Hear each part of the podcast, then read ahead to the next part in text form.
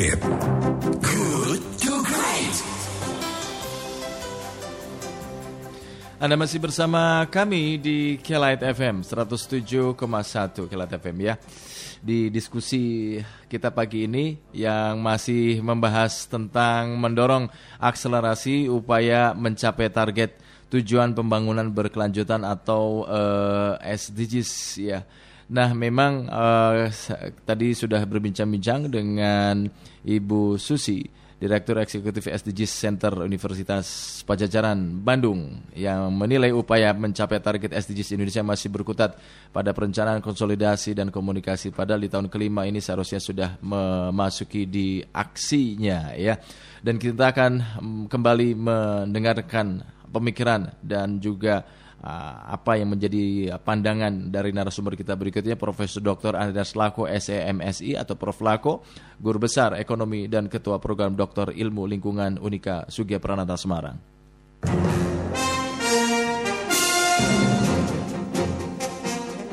Prof Lako, selamat pagi Prof. Selamat uh, pagi dengan Ijul Prof.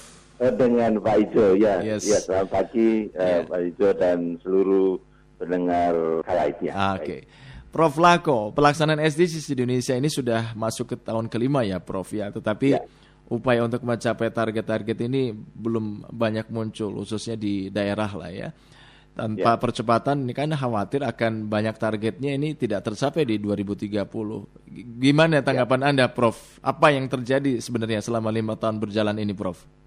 Ya, kalau saya melihat tahun 2015 ini kan uh, di uh, mungkin Oktober ya, hmm. Presiden Jokowi merespon permintaan dari uh, apa Perserikatan Bangsa-Bangsa, kemudian langsung meminta Indonesia bahwa kami uh, langsung me me menerima untuk melaksanakan itu. Kemudian 2015, 2016 ini apa konsolidasi dalam konteks perencanaan dan sosialisasi. Jadi ya kita mulai me, mulai meng, me, melaksanakan SDGs ini mulai 2016 sampai dengan sekarang ini ya. Hmm. Jadi realnya empat empat tahun terakhir. Nah, evaluasi yang coba saya lihat itu sampai dengan akhir tahun 2019 hmm. memang dari 17 tujuan itu yeah. eh, dari 17 ini mungkin ada satu ya yang satu sudah melampaui target. Hmm. Target yaitu elektrifikasi jadi apa berkaitan dengan bagaimana listrik-listrik bisa masuk ke perumahan ke ke perumahan rakyat ya itu itu yang sudah melebihi target. Sementara 16 eh, tujuan lainnya itu belum mencapai. Tapi kalau saya hmm. me melihat secara keseluruhan itu ada tren positif ya. Jadi ada tren positif yaitu bahwa dalam paling tidak dalam lima tahun terakhir itu eh, dalam semua indikator atau dalam semua tujuan itu trennya itu itu positif. Dari misalnya contoh dalam hal mengenai menghapus kemiskinan, hmm. kemiskinan di Indonesia ini baik kemiskinan secara keseluruhan, kemiskinan absolut itu terus kemudian apa namanya menurun ya, meskipun hmm. belum mencapai target yang diharapkan tujuh sampai delapan persen. Kemudian juga misalnya menghapus kelaparan, hmm. itu juga trennya dengan berbagai macam program sosial dari pemerintah itu uh, kemudian juga trennya juga semakin semakin menurun. Jadi secara keseluruhan itu hmm. kalau saya me melihat, jadi kalau kita bandingkan target dalam hmm. lima tahun terakhir, kalau hmm. dibandingkan dengan dengan capainya itu Indonesia sudah bisa mencapai sekitar 85 uh, 85 persen hingga 90 persen. Jadi ada sekitar hmm. 10 persen lebih itu yang belum tercapai.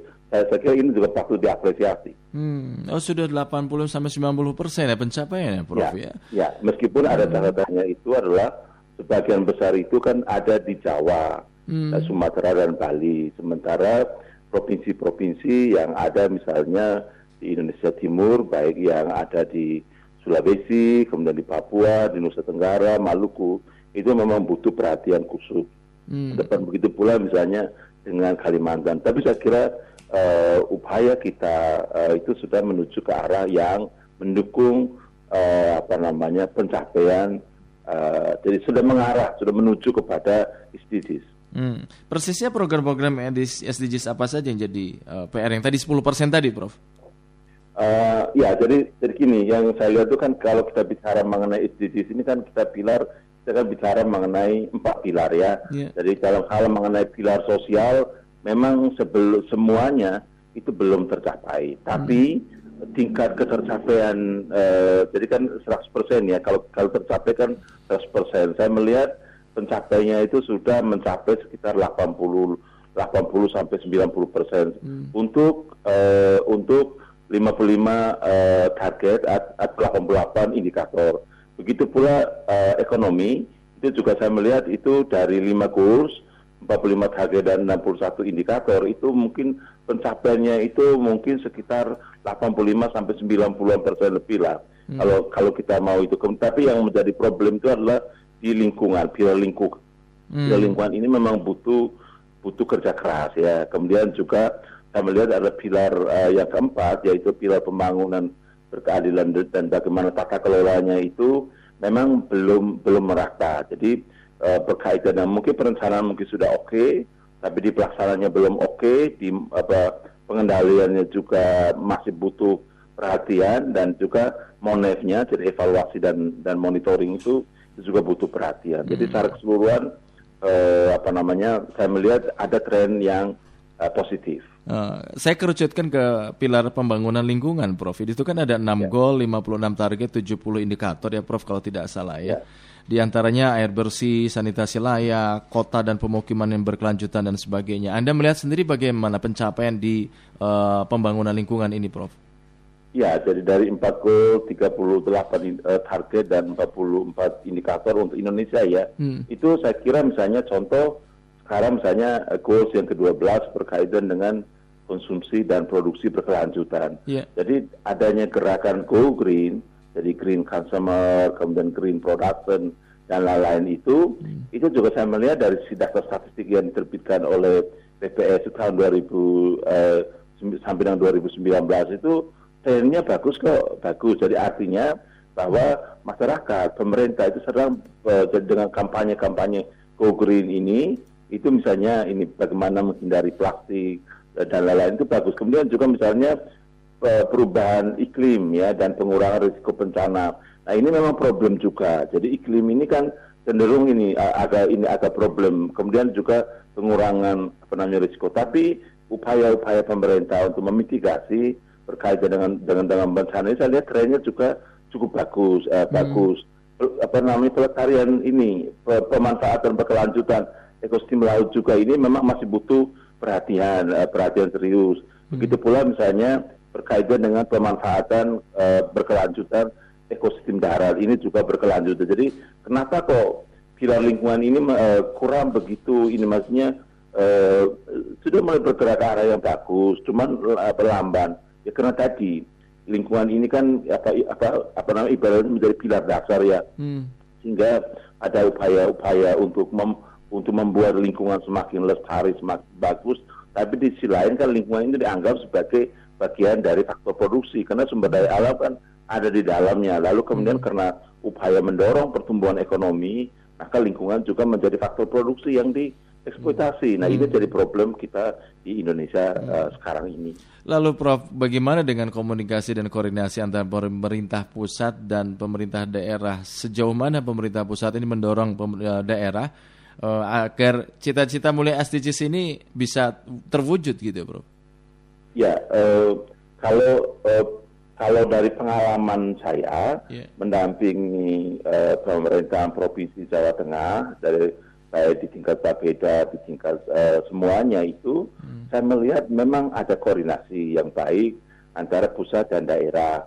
Hmm. Dan ini rutin. Tapi kemudian, nah bagaimana dari provinsi, dari pusat ke provinsi, kemudian ke, ke kabupaten kota ini yang saya melihat ini ada uh, mungkin ada apa namanya kesenjangan karena sejauh yang saya lihat itu adalah apa yang dokumen yang bagus di tingkat nasional hmm. bagus di tingkat tingkat provinsi tapi di tingkat kabupaten kota itu tidak seperti itu hmm. akibatnya kemudian lalu pelaksanaannya itu misalnya di rencana pembangunan jangka menengah hmm. rencana pembangunan daerah dari tahunan itu ya itu eh, aspek-aspek uh, yang berkaitan dengan 17 tujuan, kemudian 169 target dan 240 indikator uh, di dalam SDGs itu tidak banyak terinternalisasi. Nah, hmm. ini butuh kerja keras dari pemerintah pusat dalam hal mengenai bagaimana koordinasi, uh, monitoring, evaluasi, bahkan feedback itu dari pusat sampai ke kabupaten kota. Uh, apakah itu jadi kendala dan tantangan terbesar agar SDGs ini bisa tercapai, Prof?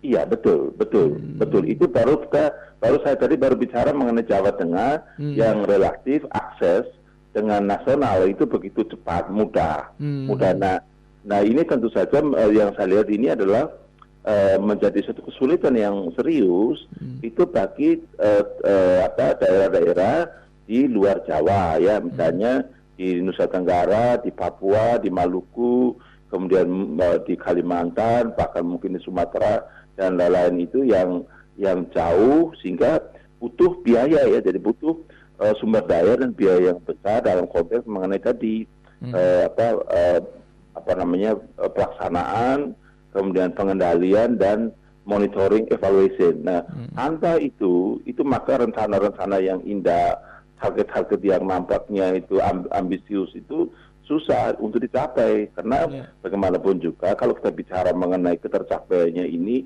itu sangat tergantung pada bagaimana kabupaten dan kota itu mensupport itu karena mereka lah yang sebenarnya mem mem memiliki wilayah yang sesungguhnya. Yeah, nah, itu, yeah. itu poin yang pertama. Mm. Poin yang kedua adalah yang saya lihat ini adalah SDGs itu kan belum menjadi roh, ya belum menjadi roh atau jiwa politik di masing-masing misalnya provinsi, kabupaten, kota. Dalam hal ini maksud saya adalah para pemimpin atau calon pemimpin uh, di kabupaten kota atau di provinsi itu sesungguhnya belum memahami, tidak memahami. Hmm. Jadi sehingga ketika misalnya pada saat kampanye hmm. untuk pemilihan gubernur atau bupati dan wali kota itu itu nggak menyinggung sama sekali SDG, tapi yang disinggung adalah hal yang bersifat pragmatis sehingga ketika yeah, yeah. misalnya yang bersangkutan terpilih mm. lalu program program program kampanye di matchkan dengan misalnya 17 goals yeah. dari SDG itu nggak match. Mm. Nah ini jadi problem tersendiri di di apa kabupaten kota kenapa atau atau di provinsi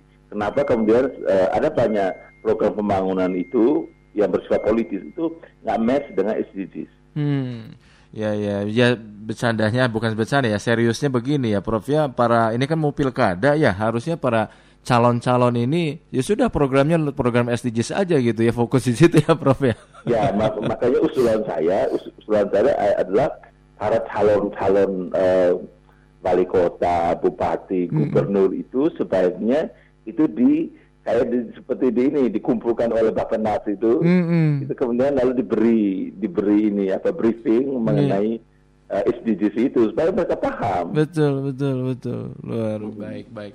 Prof Lako, terima kasih atas waktu Anda. Pagi ini kita bincang-bincang menambah referensi untuk kami semua di sini di Bandung, Prof. Ya, sih Mas, eh, apa sama-sama dari Bandung perlu kerja keras juga ya. Dari Jawa Barat, sorry, dari Jawa Barat itu perlu kerja keras karena saya melihat indikator-indikator uh, berbasis SDGs itu masih masih rendah juga. Baik, baik, Prof Laku. Ya. Terima kasih, selamat ya, pagi. Terima kasih banyak. Ya. Selamat pagi, semoga bermanfaat. Baik, terima kasih, Prof.